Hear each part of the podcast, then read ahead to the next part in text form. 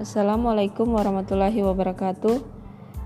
Oke, teman-teman, kali ini kita akan membahas hakikat bahasa Indonesia, sejarah, kedudukan, dan fungsi bahasa Indonesia.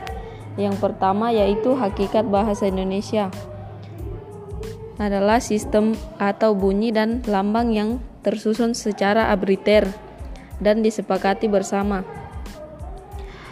Kemudian sejarah. Sejarah bahasa Indonesia ada dua. Sebelum kemerdekaan dan sudah dan sesudah kemerdekaan. Itu pada abad ke-7 sebelum Masehi. Para ilmuwan menemukan candi dan prasasti yang bertulisan bahasa Melayu. Jadi bahasa Indonesia dulunya bahasa Melayu.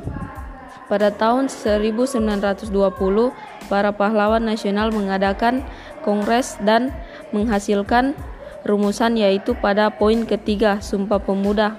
Setelah kemerdekaan, muncullah Konstitusi Undang-Undang 1945 tentang bahasa negara adalah bahasa Indonesia.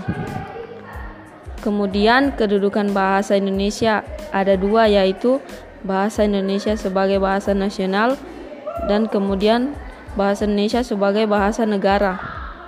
Kemudian fungsi bahasa Indonesia teman-teman ada tiga. Yang pertama yaitu fungsi bahasa secara umum. Yang kedua bahasa sebagai bahasa nasional. Kemudian yang ketiga sebagai bahasa negara. Oke teman-teman mungkin hanya itu yang saya dapat sampaikan. Mohon maaf bila ada kekurangan. Assalamualaikum warahmatullahi wabarakatuh.